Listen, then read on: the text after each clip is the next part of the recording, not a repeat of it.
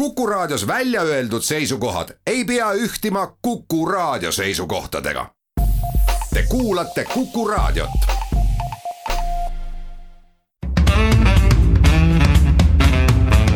muuli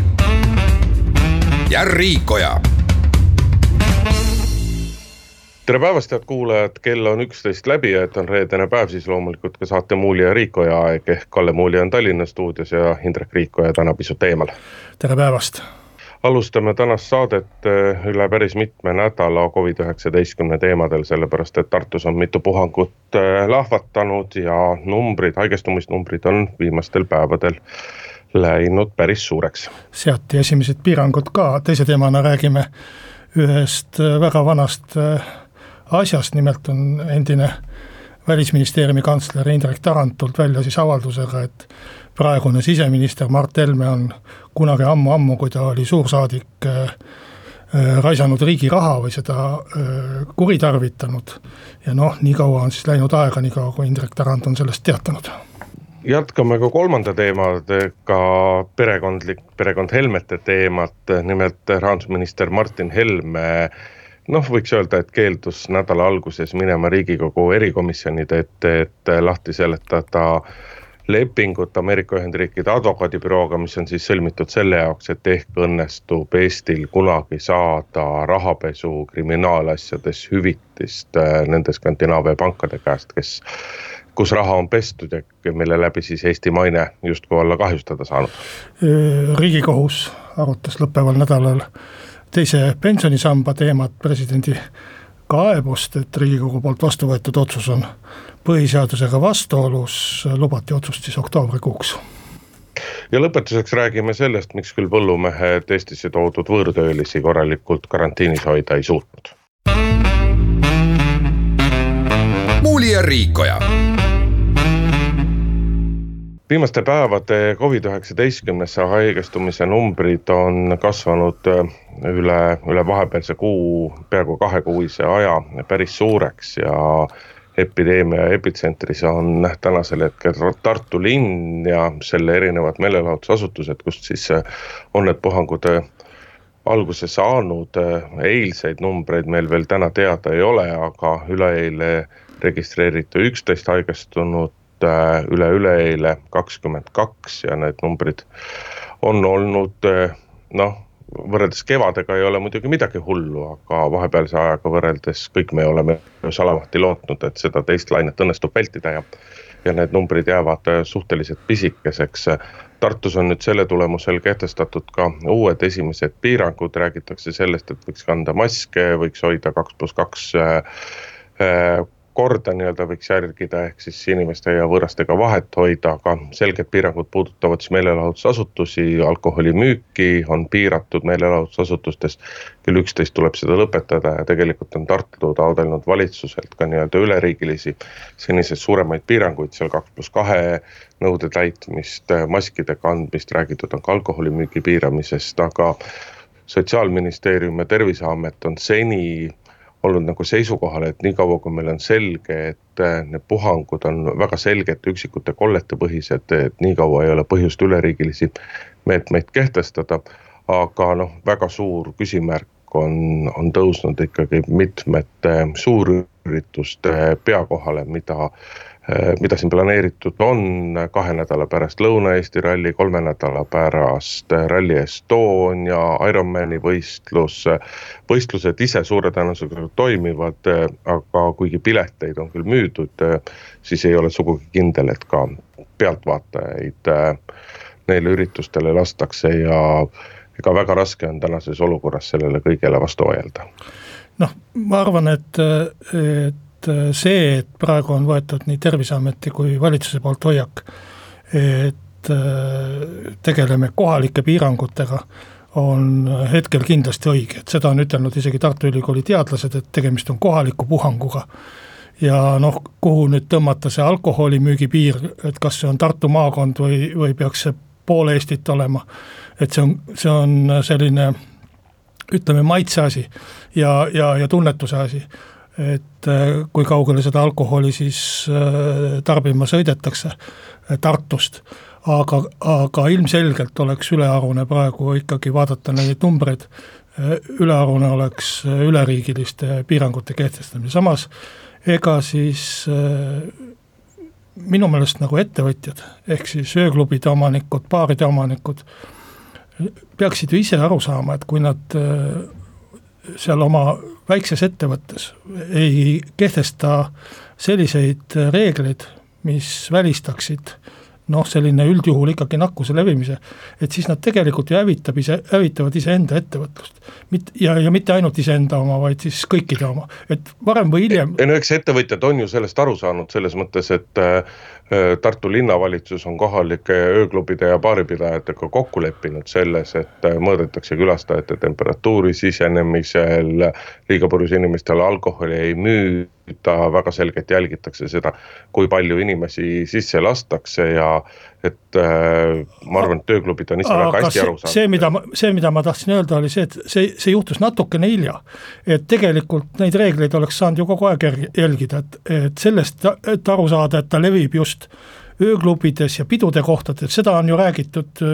ma arvan, et märtsikuust või veebruarikuust saadik. ja, ja sellest oleks võinud aru, aru saada ka siis, kui, kui ütleme, seda puhangut veel ei oleks olnud või see puhang oli väga algusjärgus. Et tegelikult, kui sa vaatad, siis ta on ju levinud äh, ka seal Tartu linnas ikkagi päris mitmes kohas juba, algul oli see Vabank, siis tuli paar nimega Naiiv ja ma ei hakka neid teisi nimetama, need peaaegu et on ebatsensuursed sõnad, mis on paaridele nimeks pandud, aga, aga. Shooters, Dolce Vita, no, no Dolce Vita on küll väga tore koht, teist üritustes ma ei ole käinud isiklikult. aga mis seal olid, mökud ja, ja, ja midagi sellist olid veel. aga olgu peale need nimed, et ei pea neid üleriigiliselt siin reklaamima. Aga põhimõte on ju see, et, et tegelikult sa hävitad kogu oma, mitte ainult iseennast, vaid ka kogu oma sektori, et on ju selge, et esimesed, mis kinni pannakse sellistel puhkudel, ongi sedalaadi asutused, kus ta levima on hakanud, et on ta siis ööklubi või on ta baar või on see alkoholi äh, müük nendes baar, baarides, ööklubides. et äh, selles mõttes on äh, ettevõtjatel endil hästi suur vastutus, et väga, väga noh, rumal on loota, et nüüd Terviseamet tuleb ja, ja hakkab jälgima kuskil ööklubis seda korda, et tegelikult peaksid omanikud ja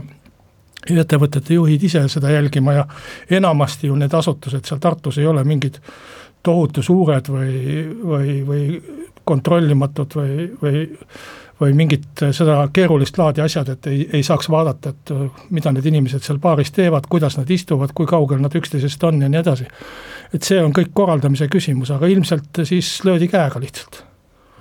no ma ei tea, kas nüüd löödi käega, sellepärast et äh, valitsuse poolt on ju kehtestatud ka nii-öelda siseüritustele ja välisüritustele omad normatiivid, jälgitakse, on pidanud jälgima seda, kui palju inimesi võib tulla ja noh, võrreldes tava öö, koroonaeelse ajaga on neid numbreid nagunii selles mõttes kärbitud, et kindlasti ei saa öelda nüüd, et ettevõtjad ei oleks mitte midagi teinud, noh. ega me keegi ei ole osanud selles olukorras hästi käituda. küsimus, suurem küsimus on ikkagi see, et nagu kuidas edasi, et äh, asja üks pool on see, et noh, et inimesed ise peavad olema väga hoolikad, aga kindlasti peaks, kindlasti peaks tänases olukorras mõtlema ikkagi ka suurtele siseüritustele ja nende korraldamise võimalikkusele või, või, või võimatusele, sellepärast et oli meil ju nii märtsis, aprillis kui mais planeeritud päris hulk suuri siseüritusi, erinevaid kontserte, asju, kõik nad on lükatud ju sügisesse ja siit septembrist peaksid nii-öelda suure hooga lahti minema. tegelikult on ka nendele ürituste korraldajatele tarvis võimalikult kiiresti anda väga selge signaal, et mida nad siis saavad teha, mida nad ei saa teha. osad üritused kindlasti suudavad jälgida seda, et näiteks viiekümne protsendi täituvuse reeglit, sest et öö, sinna lihtsalt ei ole nii palju pileteid müüdud, aga nii mõnelegi kontserdile, vähemasti minu teada, on küll müüdud märksa rohkem pileteid kui viiskümmend protsenti täituvusest ja ja, ja neil on vaja nii-öelda ühest küljest korraldajatele, aga veelgi enam inimestele, kes on nendele piletid soetanud, et neile on vaja anda mingisugune signaal, kuidas edasi, mis see regulatsioon on ja mis see reeglid on. minu meelest äh, üks asi, mis äh, vajaks äh, noh, läbimõtlemist või, või korraldamist, on see, et kui on tehtud reeglid, et välismaalt siia tulnud inimene peab olema karantiinis kaks nädalat teatud riikidest. Et siis võiks olla ka mingisugune süsteem siiski, mille järgi Terviseamet saaks vaadata, et kes need inimesed on, kes tulid, kuhu nad läksid ja, ja kontrollida lõppude lõpuks seda, kas nad karantiinist kinni peavad. Või isegi, isegi seda teha, teha kindlaks, et, et nad ei ole karantiinist kinni pidanud, et praegu eh, kurvastaval kombel on ju olukord selline, et tegelikult Eesti riigil puudub ülevaade nendest inimestest, kes peaksid karantiinis üldse olema, kes on siia tulnud nendest riikidest ja, ja kus nad siis karantiinis on ja, ja mis kuupäevast, mis kuupäevani nad peaks olema. ma saan aru, et seda on äh, hästi äh, ebamugav ja, ja, ja tülikas ja võib-olla isegi töömahukas korraldada, aga kui puudub äh, nendel karantiinis olijatel teadmine, et neid võib-olla kontrollitakse, võib-olla trahvitakse, võib-olla saadetakse isegi minema, kui nad väga häbematult käituvad ja lähevad karantiini ajal kuskile ööklubisse pidu, pidutsema. et siis äh, alati leidub äh, selliseid, kes muust ei hooli kui ainult trahvist või ähvardusest, et üheksakümmend viis protsenti kindlasti saab sõnadest aru, aga, aga aga nende vähemuse jaoks, kes siis enamuse heaolu ohustavad, et nende jaoks võiks ikkagi mingisugune hirmutus õhu, ohus, õhus olla, aga praegu on küll selline olukord, et tegelikult me noh, riigi tasemel isegi ei tea, Terviseameti tasemel, kes nad on, kus nad on ja kaua nad seal karantiinis peavad olema ja, ja kas peavad olema no ainus võimalus selle väga selgeks jälgimiseks on ikkagi kas väga tugev, väga ulatuslik mobiilsete seadmete positsioneerimine või siis ikkagi piirikontroll, sellepärast et teisiti noh, ei tea ju ka transpordiettevõte, kui inimene tuleb Soomest laevaga, kas ta on tulnud Soome Hispaaniast, Ameerika Ühendriikidest, Tšehhist või Poolast või Lätist. samamoodi lennufirmad, bussifirmad, et piirikontroll on see ainus viis. aga siinkohal peame tegema väikese pausi, paari minuti pärast oleme tagasi. muuli ja Riikoja jätkame saadet äh, Indrek Reiko ja Kalle Muuli. Äh, räägime ühest vanast või peaks ütlema uuest asjast, ei teagi, kumb see on, igatahes eks ta vist vana tegelikult on ju. igatahes üks vana lugu, mida ma mäletan veel ajast, kui ma töötasin võib-olla et isegi Eesti Päevalehes eelmisel sajandil, kus äh, levisid jutud, et Välisministeeriumis oli mingi raha kuritarvitamine, mis oli seotud Moskva saatkonnaga, kus töötas tol ajal suursaadikuna Mart Helme, noh, nendest, need jutud tol ajal juttudeks jäidki ja, ja mingisugust kinnitust neile ei leitud, ehkki mu meelest päris mitmed ajakirjanikud püüdsid sellega tegeleda, aga nüüd on siis, palju sellest ajast möödas on, veerand sajandit umbes, peaaegu, on, on siis Indrek Tarand, endine välisministeeriumi kantsler ja praegune võiks vist ütelda poliitik või vähemalt on ta mitmetel valimistel kandideerinud ja viimati sotsiaaldemokraatide ridades, eh, on siis välja tulnud eh, avaldusega, et eh, omal ajal Mart Helme tarvitas või kuritarvitas riigi raha, ega sellest ei ole ka ausalt öeldes aru saanud, et mismoodi siis, ja et Välisministeeriumi juhtkond eesotsas äh, välisminister Toomas Hendrik Ilvesega, tolleaegsega, ja kantsler Tarandi endaga siis on kinni mätsinud seda asja ja siiamaani rahva eest seda varjanud. selline täiesti uskumatu avaldus minu meelest no ega selles avalduses ei ole selles mõttes mitte midagi uskumatut, et nagu sa ise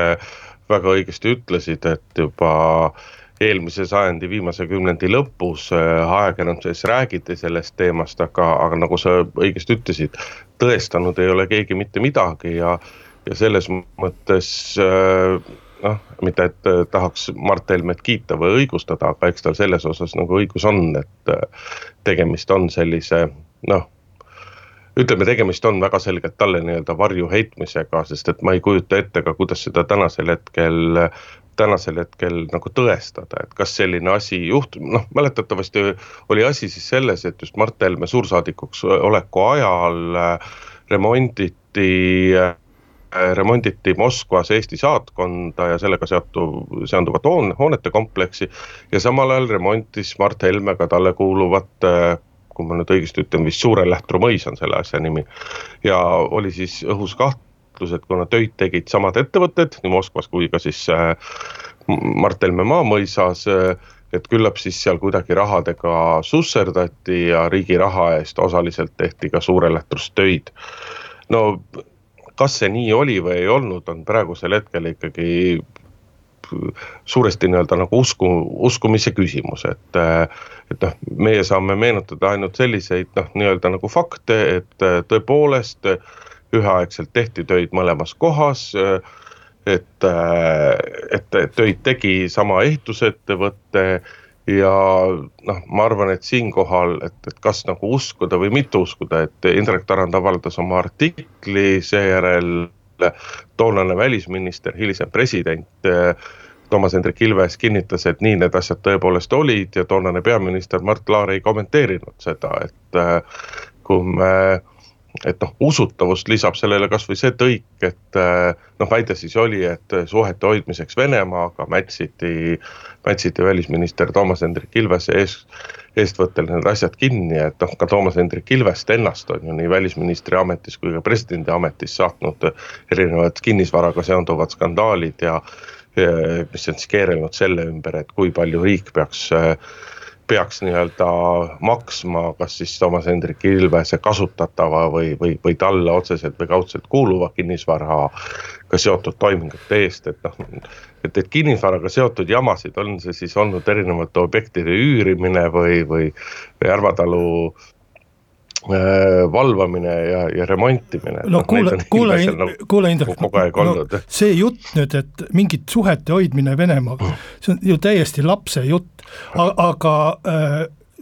ma olen alati mõelnud, kui õnneks küll peamiselt välismaal, mitte Eestis, puhkevad sellised skandaalid, kus mõni näitleja tuleb ja ütleb, et teda kolmkümmend aastat tagasi ahistas äh, režissöör see ja too. et kus sa tol ajal olid? Ja, ja, ja siin ma küsiksin küll äh, Toomas Hendrik Ilvese ja Indrek Tarandi käest, et mis asi toimub, kui te räägite tänapäeval, et raisati Eesti riigi raha, teie ministeeriumi juhtidena mätsisite selle kinni, ei andnud kurjategijat äh, politseisse. Ja ja nüüd te tulete ja haudute selle pinnalt poliitilist kättemaksu, see on ju nagu mingisugune pättide rä räkit. et kõigepealt teeme, paneme toime üheskoos kuriteo, äh, üks varjab, teine aitab äh, vaikselt lahkuda ja kolmas kasutab raha. ja, ja siis me aastaid hoiame seda ja sant-, šantaseerimisvahendina ja siis lõpuks. no vaata, ma Kalle, ma Kalle kuule, ütlen sulle vahele, kuna kuule, me peame kohe eh, Indrek, uudistepausile minema. Indrek, kui see, nagu sa ise, Indrek, nagu Indrek, lase mul lause ära lõpetada. kui Mart Helme oleks sotsiaaldemokraatide parteis olnud, siis Indrek Tarand ei oleks tulnud seda täna rääkima, see on puhas ei, poliitiline kättemaks ei, ma absoluutselt ei vaidle sinuga. lihtsalt vaata, nagu sa ise ütlesid, et ka toona ajakirjanikud uurisid seda ja mina küll ei välistaks seda, et nad osalt uurisid seda Indrek Tarandi nii-öelda mahitusel, aga, aga tänasel hetkel sellega väljatulek, noh. mina küll soovitaksin, Mart Helme on öelnud, et ta ei tea, kas ta kohtusse pöördub, et, et mina küll soovitaksin kohtusse pöörduda, sellepärast et noh, selliste selliste asjade vastu ei saa lihtsalt teistmoodi, kui meil peavad olema mingid väga selged pretsedendid, aga me peame siinkohal tegema pausi. mina, mina ei soovitaks, ma soovitaks äh, äh, see asi rahule jätta, ütleksin, et selliste kaabakatega ei ole mõtet kohut käia. muuli ja Riikoja tere tulemast tagasi, head kuulajad, läheme saatega edasi, stuudios jätkuvalt Kalle Muuli Tallinnas ja Indrek Riikoja pisut eemal, perekond Helmede teemaga jätkame, nädala alguses pidid toimuma Riigikogu äh,, Riigikogu korruptsioonivastase komisjoni ja no vot näed, nüüd nimi on keele peal, ei taha öelda, taha välja tulla, mis komisjoni istungid, kuhu siis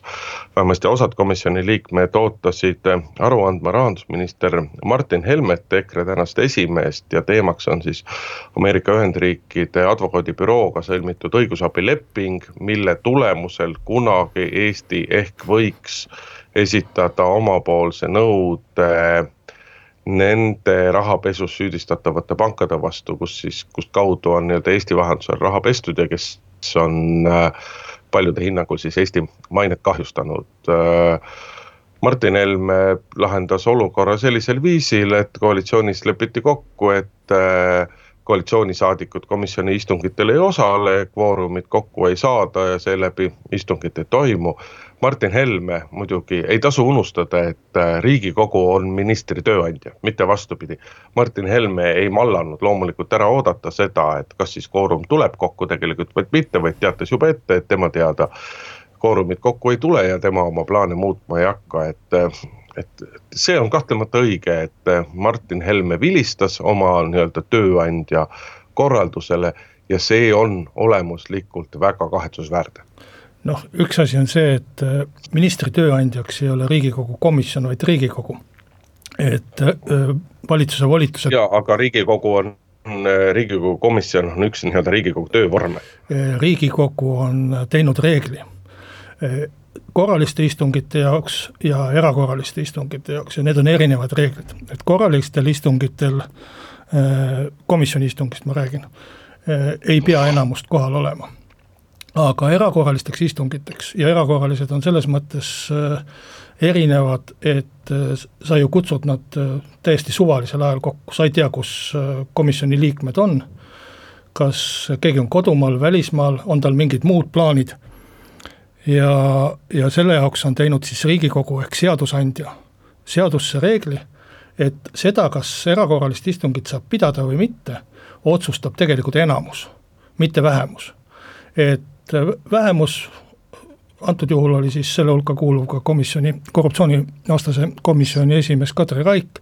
võib ju otsustada iga päev kolm erakorralist istungit korraldada ja mõne neist ka kuskil maapoe taga kolme õllepudeliga. Et põhimõtteliselt ei ole see välistatud, aga see ei tähenda veel, et noh, komisjoni istung toimub, et seda, kas komisjoni istung toimub või mitte, äh, reaalselt otsustab ikkagi äh, enamus, ilma selle enamuseta ei ole kvoorumit ja nii on seadusandja tahe. ja, ja mulle ka paljud seadused ei meeldi. ja, ja tunduvad tüütud ja, ja, ja vastikud aga kui me tahame õigusriigis elada, siis me peamegi seadustest lähtuma ja demokraatia on selline, et enamus otsustab, mitte vähemus ei otsusta. ja praegu mina näen pigem selles noh, skandaalikeses või sellises väikses äh, konfliktis pigem seda, et Katri Raik tegi oma komisjoni esimehe tööd väga halvasti, ei leppinud komisjoni liikmetega enne kokku, kas neile see aeg sobib ja kas nad saavad tulla ja tulevad. Ja hõikas välja, kutsus ministri kuhugi, kus tegelikult komisjoni istungit ei toimunud. Ja noh, mängiti sellist eh, tol ajal, tegelikult ju eh, kui sa nüüd vaatad esmaspäeva, mis kohe on saabumas paari päeva pärast, siis sa näed ju seal, et koalitsioon tahab arutada seda küll, lihtsalt eh, endale sobival ajal saavad komisjoni liik-, e-, enamused tulla, et nad ei saa tulla sel ajal, kui just Katri Raigile sobib. et selle, selles no,, selles oli kogu probleem, et tegel-, tegelikult see arutelu ju toimub ja, ja sinna tuleb isegi peaminister kohale ja, ja mingid, mingid aga probleemid. sinna tulebki peaminister, aga sinna ei tule rahandusminister teadaolevatel andmetel, teda ei ole. Nendega ka on niiviisi, Indrek, ma räägin sulle, kuidas on kodukorras, et sinna tulevad need, keda kutsutakse. ja antud juhul on kutsutud peaminister ja rahandusministrit ei ole kutsutud, et ma arvan, et et kui rahandusminister kutsutakse, küllap ta siis ka tuleb, juhul kui komisjoni istung toimub, aga, aga kui lihtsalt istuvad kaks komisjoni liiget kuskil koos, et siis kindlasti minister ei hakka sellisesse kohta äh, minema. Ja ma arvan, et see on ka õige, et pole mõtet ministri aega niiviisi raisata. Vaata, sul on, kindlasti sul on selles osas õigus, et, et opositsioon Katri Raigi eestvõttel oleks võinud ise nagu paremini äh, Äh, paremini toimetada, aga noh, ei ole mõtet nüüd punkt üks hämada sellel teemal, et, et et, et koalitsioonisaadikud ei olnud omavahel kokku leppinud, et nad selles, sellel istungil ei osaleta, et noh, kuulge, need, need vabandused sellest, kuidas Peeter Ernits teatab, et tal on auto, et tal on auto hooldusaeg ja ta ei saa sellepärast tulla, et kuulge, et kus kohas sa nagu töötad, kallis Peeter, vana hea kolleeg, et, et kui sa oled riigikogu liige, siis kui sul on riigikogus mingisugust tööd ja toimetamist teha, siis sa nihutad oma autohoolduse aega ja nii edasi ja aga ma tulen veel kord selle juurde tagasi, et Martin Helmel ei olnud mitte mingisugust kindlust ega teadmist selles osas, kas kvoorum tuleb kokku või ei tule kokku, sest et me ei oleks saanud kuidagi välistada seda, et ka mõni koalitsioonisaadik oleks tollel hetkel tee leidnud parlamenti ja kvoorum oleks koos olnud. et selles mõttes ei saa rahandusminister ei, või noh, ükskõik milline, mis minister ei saa vilistada sellisel viisil Riigikogu Riigikogu peale, et sulle võib see opositsioon meeldida või sulle võib see opositsioon mitte meeldida, sulle võib koalitsioon meeldida või koalitsioon mitte meeldida. aga kui sa oled minister ja kui Riigikogu sind kutsub, siis parlamentaarses riigis minister peab äh, alluma selle Riigikogu äh, nii-öelda kutsetele ja, ja siin ei saa nagu olla selles mõttes nagu teisipidi nagu arusaamist, et äh, et noh, et, et ei ole mõtet luua selliseid pretsedente, ei, ei ole mõtet luua ja, ja. oota, millist pretsedenti, see, seda pretsedenti, et minister jätab minemata äh, äh, kohta, kus tegelikult komisjoni istungit ei toimu, Indrek, ma räägin. ministril sul... ei olnud, ma ütlen sulle, Kalle, veel kord, ministril ei olnud, et on kaks võimalust, ministril sai see teadmine olla, et, et seda ei toimu ainult juhul, kui oli koalitsioonis väga selge kokkulepe, et ükski koalitsioonisaadik ei osale sellel. sa ju väitsid, et koalitsioonil ei olnud sellist kokkulepet äh, Esitab... järelikult ei saanud olla ministril kindlust, et kvoorumit ei tule kokku sa ei tea, kuidas komisjoni istungid toimuvad, sellepärast sa räägid sellist juttu. aga esiteks ma ei väitnud, et ei olnud koalitsiooni kokkulepet. sellist väidet ma ei ole ütelnud. ma ei tea, kas. siis ma, oli koalitsiooni kokkulepe? ma ütlen, et ma ei tea, kas oli või ei olnud. võimalik, et oli, võimalik, et ei olnud, aga sellel ei ole ka tähtsust. tead, kuidas komisjoni istungid korraldatakse? ametnikud helistavad erakorralise istungi puhul komisjoni liikmetele, ühele, teisele, kolmandale, kõik läbi kas te saate tulla, komisjoni esimees tahab kutsuda. Amet-, komisjoni liige vastab ametnikule, ei, ma ei saa tulla, jah, ma saan tulla, ei, ma ei saa tulla. ja nüüd, kui helistab Martin Helme abi või, või sekretär või kes iganes komisjoni ametnikule ja ütleb, et minister nüüd tuleks või ei tuleks, komisjoni ametnik ütlebki talle, et noh, enamust pole et see on väga, väga loogiline. ja, ja umbes nii see tollel hommikul toimus, ma kujutan ette. et ministeril oli kindlasti see kindlus olemas, aga milleks, ma räägin isegi, kui see kokkulepe oleks olnud. et tegelikult on ju probleem selles, et kui sa komisjoni esimehena, nii nagu Katri Raik tegi, korraldad komisjoni istungi sellisel ajal, kus kas või ühelegi noh, mingisuguse koalitsiooni või opositsiooni poliitikule ei sobi see aeg, siis tegelikult sa muudad komisjonis häälte jõudude või häälte vahekorda ehk jõudude vahekorda. ja sellepärast on erakorraliste istungitega selline olukord, et kui kõik ei saa tulla, näiteks koalitsiooni poolelt, siis enamasti jäetakse see ära just sellepärast, et muidu on nagu ebaaus teatud poole suhtes. Ja, ja ma arvan, et see oli ka antud juhul põhjuseks, et ju siis oli keegi, kes ei saanud tulla ja sellepärast pidid ka teised jätma tulemata et nii see on. tead, ei ole, Kalle, Kalle, tegelik, kogu asja tegelik, kogu asja tegelik põhjus on ju selles, on, on ju, on ju, on ju kahes asjas, kogu asja tegelik põhjus on selles, et EKRE ja tema juhtivad poliitikud arvavad, et nad võivad teha, mida nad tahavad, et nad võivad, nad on harjunud sellega, et nende enda fraktsioon on selline, kes on täpselt nende nii-öelda tõmmata ja lükata. selles on see probleem, et parlamendis ei ole äh, paljudel parlamendierakondadel mitte mingisugust iseseisvust ja probleem on selles, et ministrid eiravad Riigikogu. see on, see on nii-öelda nagu asja tegelik tuum ja järgmine probleem on selle lepinguga, mille eesmärk võib ju olla kõik väga hea selle advokaadibürooga, aga ilmselgelt nendel inimestel, kes on sellega tegelenud, nii Martin Helme ise kui tema nõunikud, neil ei ole nii-öelda kogemust, neil ei ole teadmisi, aga neil on veendumus, et nad on maailma kõige targemad maailma kõige tublimad. ja sealt tulevad, need on asja tegelikud probleemid. see, kuidas läks ühe õnnetu komisjoni istungiga, on tegelikult teisejärguline küsimus. tegelik probleem on see, et kui kvoorumit koos ei ole, kui enamust koos ei ole, siis komisjoni istungit ei toimu ka esmaspäeval. juhul, kui peaminister sinna läheb ja komisjonis enamust kohal ei ole siis tegelikult istungit ei saa pidada, sellepärast et sa ei saa päevakordagi kinnitada. sul ei ole võima-, võimalik otsustada, millise päevakorra järgi see toimub. sa ei saa võtta päevakorda peaministri ärakuulamist. jaa, aga isegi selline, peaminister selline... ütleb, et kui ministrit kutsutakse, siis minister peab minema ja kui teda on kutsutud, siis tema läheb ja ta ei hakka hämama sellest, et kas kvoorum on koos või ei ole koos. küsimus on tahtmises, küsimus on põhimõttes, küsimus on Riigikogu austamises, mitte milleski muus. no jaa, aga kui komisjoni ametnik ütleb talle, et sellele armsale peaministrile, et teate, täna komisjoni istungit ei toimu, sest enamust kohale ei tule, siis ei ole mõtet sinna minna, sa võid ju minna Katri Raigiga eraviisiliselt kohtuma, aga komisjoni istungit kui sellist ei toimu, eks ju ja aga Martin Helmel ei olnud mingisugust teadmist selle kohta, kas komisjoni istung toimub või ei toimu, aga teeme siinkohal väikese pausi, läheme siis saatega edasi. muuli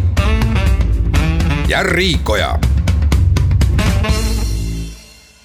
Jätkame saadet Indrek Riikoja stuudiost kaugemal ja Kalle Muuli stuudios. riigikohus tegi otseülekande lausa oma äh, istungilt või ärakuulamiselt. Äh, polegi sellist äh, asja juba ammu olnud või, või ei ole seda kunagi olnud, ma ei, vähemalt ei tule praegu ette kas kunagi varem on seda tehtud ja minu meelest oli see väga hea, et teise, teise pensionisamba arutelul just äh, seda tehti. et tegelikult sai selle äh, noh, ülevaatega äh, päris ammendavalt käsitletud enam, enamus küsimusi, mis üldse vaidluse all selles teises pensionisambas on ja ja ma arvan, et need, kes tahtsid ja huvi tundsid, et said ka ülevaate nendest erinevatest seisukohtadest, et milline nüüd äh, on äh, Riigikohtu enda äh, lõplik otsus ja, ja kuhu poole ta kaldub ja mida seal nähakse, et äh, peaks selguma oktoobrikuus, aga aga ma arvan, et ainuüksi selline, selline koosistumine, arutelu ja selle ülekandmine rahvale, et see oli kindlasti väga hariv. Ega siin ongi väga keeruline meil ju öelda, et kas nüüd äh, et äh, kellel on õigus, mis jääb, äh, mis jääb pidama, millised seisukohad kannavad, kellel on õigus ja nii edasi. no poole silmaga, poole kõrvaga jälgisin ka mina seda, et noh, tegelikult lihtsal inimesel on nagu väga keeruline vaielda nii ühe, teise kui kolmanda poolega ja selles mõttes on nagu väga keeruline ka öelda, kas. kas presidendi, kas presidendi otsus jätta see seadus välja kuulutamata oli õiguspärane või mitte, aga õnneks meil selle jaoks Riigikogus, Riigikohus ongi, ma arvan, et siin on nii-öelda nagu pigem olulisemad on need, mis asjad on siin poliitilised kommentaarid, mis on jälginud, et see, et koalitsioon endas nagu väga kindel ei ole selles, et nende eelnõu Riigikohtust läbi läheb, noh selle tõestuseks on on eh, nii Isamaa kui, kui EKRE poolt tulnud jutud juba sellest, et võiks, eh, et kui nüüd seda seadust kehtestada ei saa, siis võiks eh, teise samba üleüldse ära kaotada. kus see Isamaa sellist asja on rääkinud? no kui sa nüüd meenutad, siis oli see ju sedapidi, et kõigepealt rääkis sellest EKRE ja siis ütles Helir-Valdor Seeder, et see on tegelikult Isamaa idee, millega millega tahab, millega EKRE siin püüab praegu populaarsust võita. ja, ja Helir-Valdor Seederi jutu mõte oli, et Isamaa ei toeta seda aga. ja sellele järgnes ka eilsel valitsuse pressikonverentsil peaminister äh,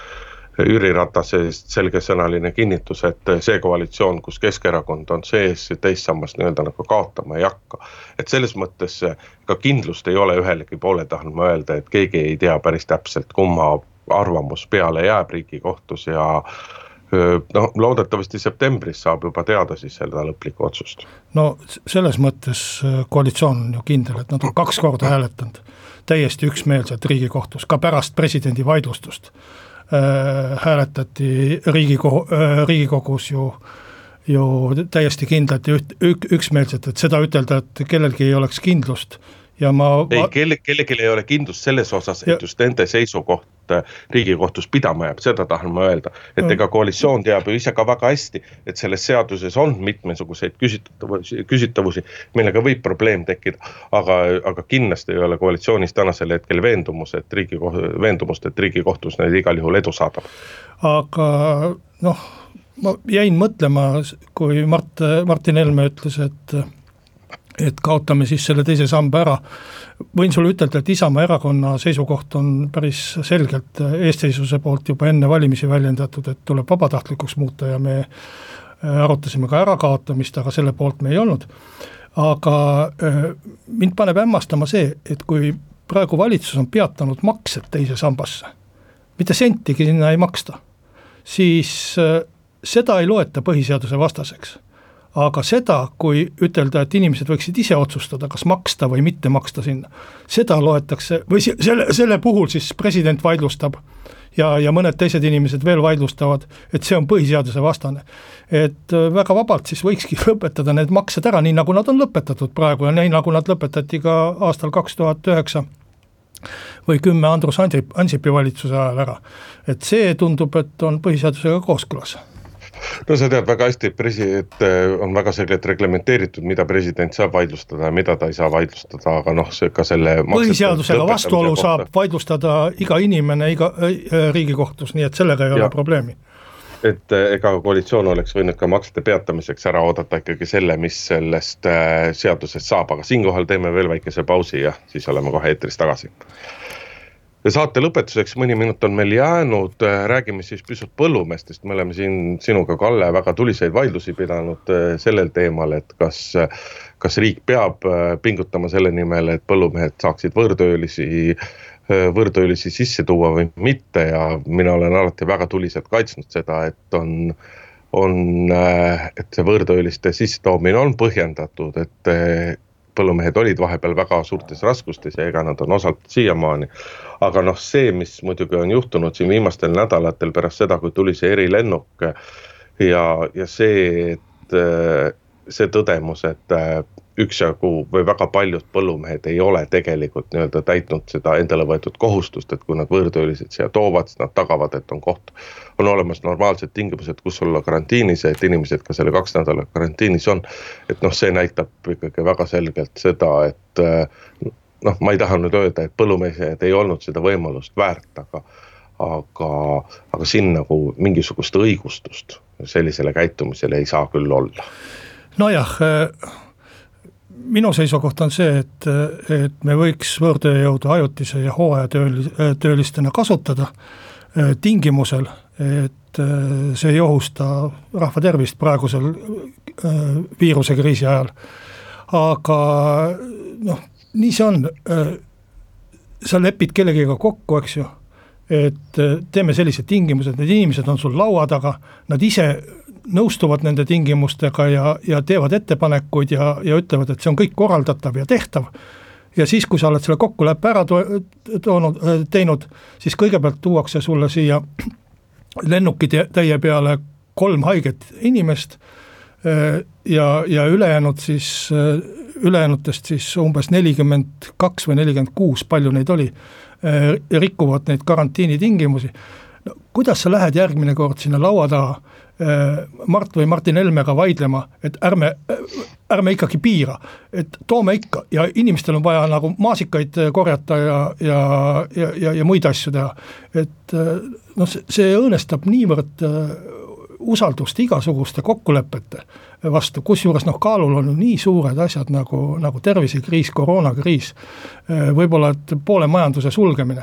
ja, ja siis sa ei suuda enda, enda kümmet ukrainlast Äh,